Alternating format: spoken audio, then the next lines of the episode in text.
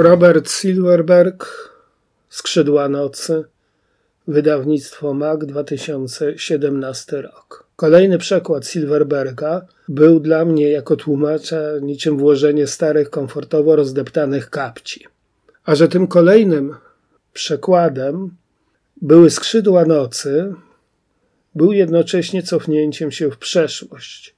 Przypomnieniem, że to Silverberg był pisarzem, który ostatecznie nawrócił mnie na klasyczną, można powiedzieć gotową fantastykę. Znałem literaturę fantastyczną przed Silverbergiem oczywiście, ale taką klasyków przede wszystkim Chestertona, autorów jak on, używających języka fantastyki i kryminału i thrillera, który akurat najlepiej kodował przekaz, czy też, mówiąc bardziej po polsku, właściwsze dawał rzeczy słowo. Cezuro był człowiek w labiryncie, wydany w serii niepozostawiającej wątpliwości, że oto mamy do czynienia z science fiction pełną gębą. W całej jej specyficznej trzeba przyznać urodzie, czy też, czego się spodziewałem, nie byłem przecież czasem dziewicą, brakiem urody, przynajmniej literackiej urody. I tu czekało mnie zaskoczenie.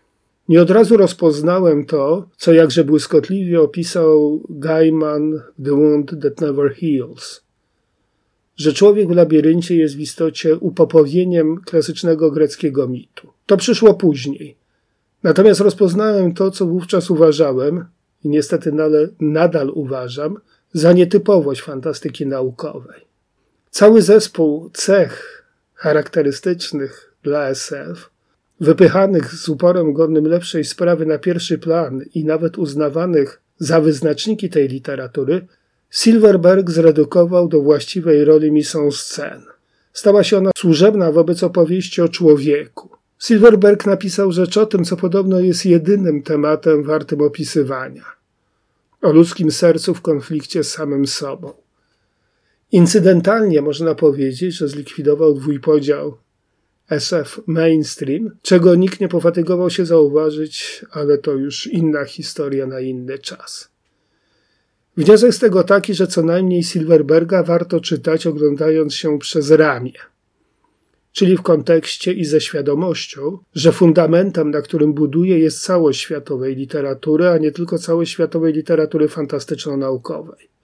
Przydało mi się to w praktyce translatorskiej, nawet w przekładach lekkiego Majipuru, który jest przecież, przynajmniej ten pierwszy, jedną więcej, lecz jakże oryginalną, jakże błyskotliwą opowieścią o odpowiedzialności władcy i o ciężarze władzy, o konieczności zrezygnowania z własnej natury, poświęcenia się, jeśli zmuszają do tego obowiązki. Z tą też świadomością rozpocząłem i zakończyłem pracę nad skrzydłami nocy. Zdawałem sobie sprawę, że to, co jest dla tej powieści najważniejsze, jednocześnie najłatwiej umknie nawet najprzenikliwszym czytelnikom i najprawdziwszym recenzentom, nie tylko planktonowi i blogerstwu książkowemu, o którym podczas pracy nawet nie myślałem, nie pomyślałem ani razu. Wiedziałem, że ci, dla których warto tłumaczyć, rozpoznają wątki, motywy i topoi. Wiedziałem też, że dla świadomego czytelnika barierą bardzo trudną do pokonania będzie bariera formy, że nikomu nie przyjdzie do głowy zakwestionować powieściowość skrzydeł nocy.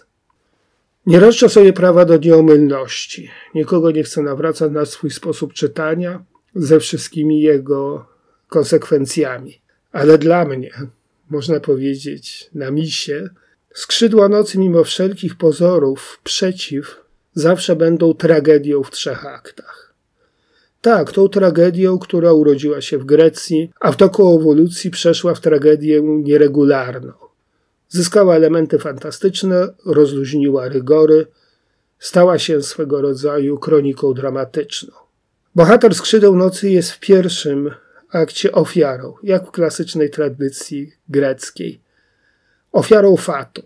Wypełnienie strażniczego obowiązku oznacza dla strażnika, że stanie się zbędny, niepotrzebny, stanie się wyrzutkiem swego świata, że musi ponieść klęskę i tak też się dzieje.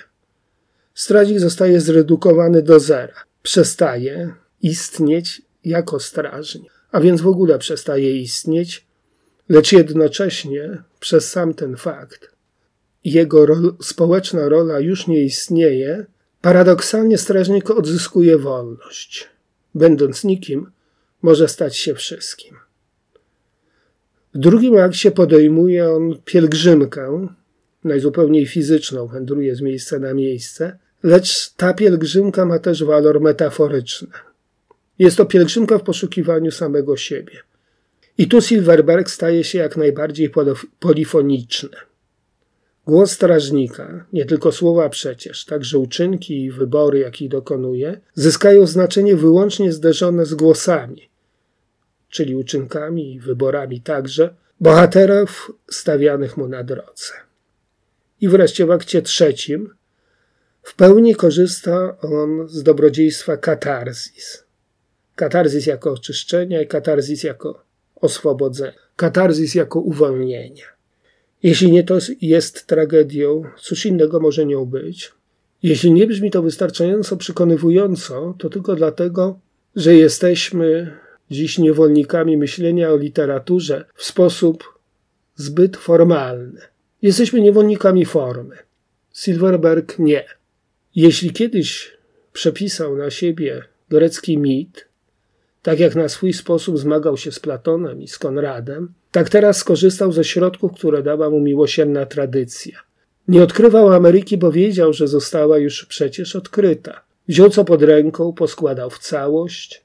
Jest to całość, która wnioskując z tego, co zobaczyłem u krytyków, rzuca urok, nawet jeśli nie wie się, nie wie się do końca, na czym urok ten polega. Więc jednak kiedyś miałem dobrą intuicję i do dziś mnie ona nie zawiodła. Fantastyka, tak, ta naukowa fantastyka jest bogatsza niż się nam wydaje. Trzeba tylko umieć to bogactwo znaleźć, a do tego trzeba wiedzieć, gdzie go szukać.